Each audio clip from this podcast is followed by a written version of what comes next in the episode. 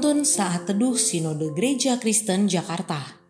Jumat 20 Mei 2022 Judul Renungan Kuasa Darah Kristus.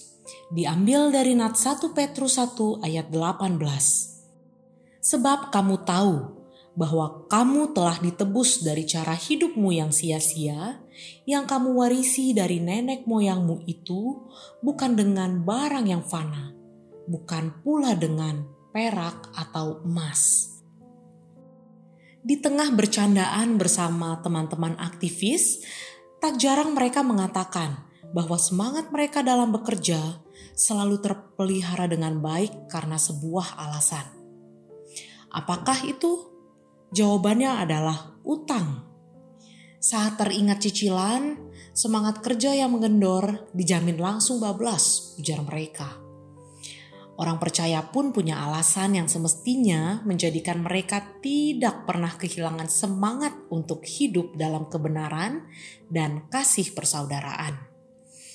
Anugerah keselamatan luar biasa dari Tuhan adalah pendorong dalam menyatakan iman ketidakberdosaan sempurna anak domba yang telah dikurbankan bagi umat adalah landasan untuk menilai kehidupan dengan cara baru yang surgawi.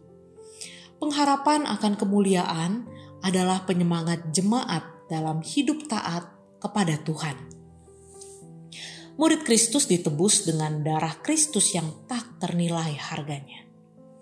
Diangkat menjadi anak-anak Allah dan diperbarui oleh anugerahnya, membuat kita tidak pantas lagi menuruti hawa nafsu yang menguasai pada waktu kebodohan.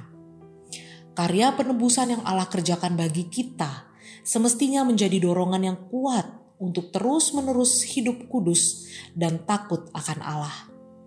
Menjadi penyemangat dalam membuktikan diri sebagai anak-anaknya yang taat dengan cara mengatur dengan benar hati dan pikiran kita.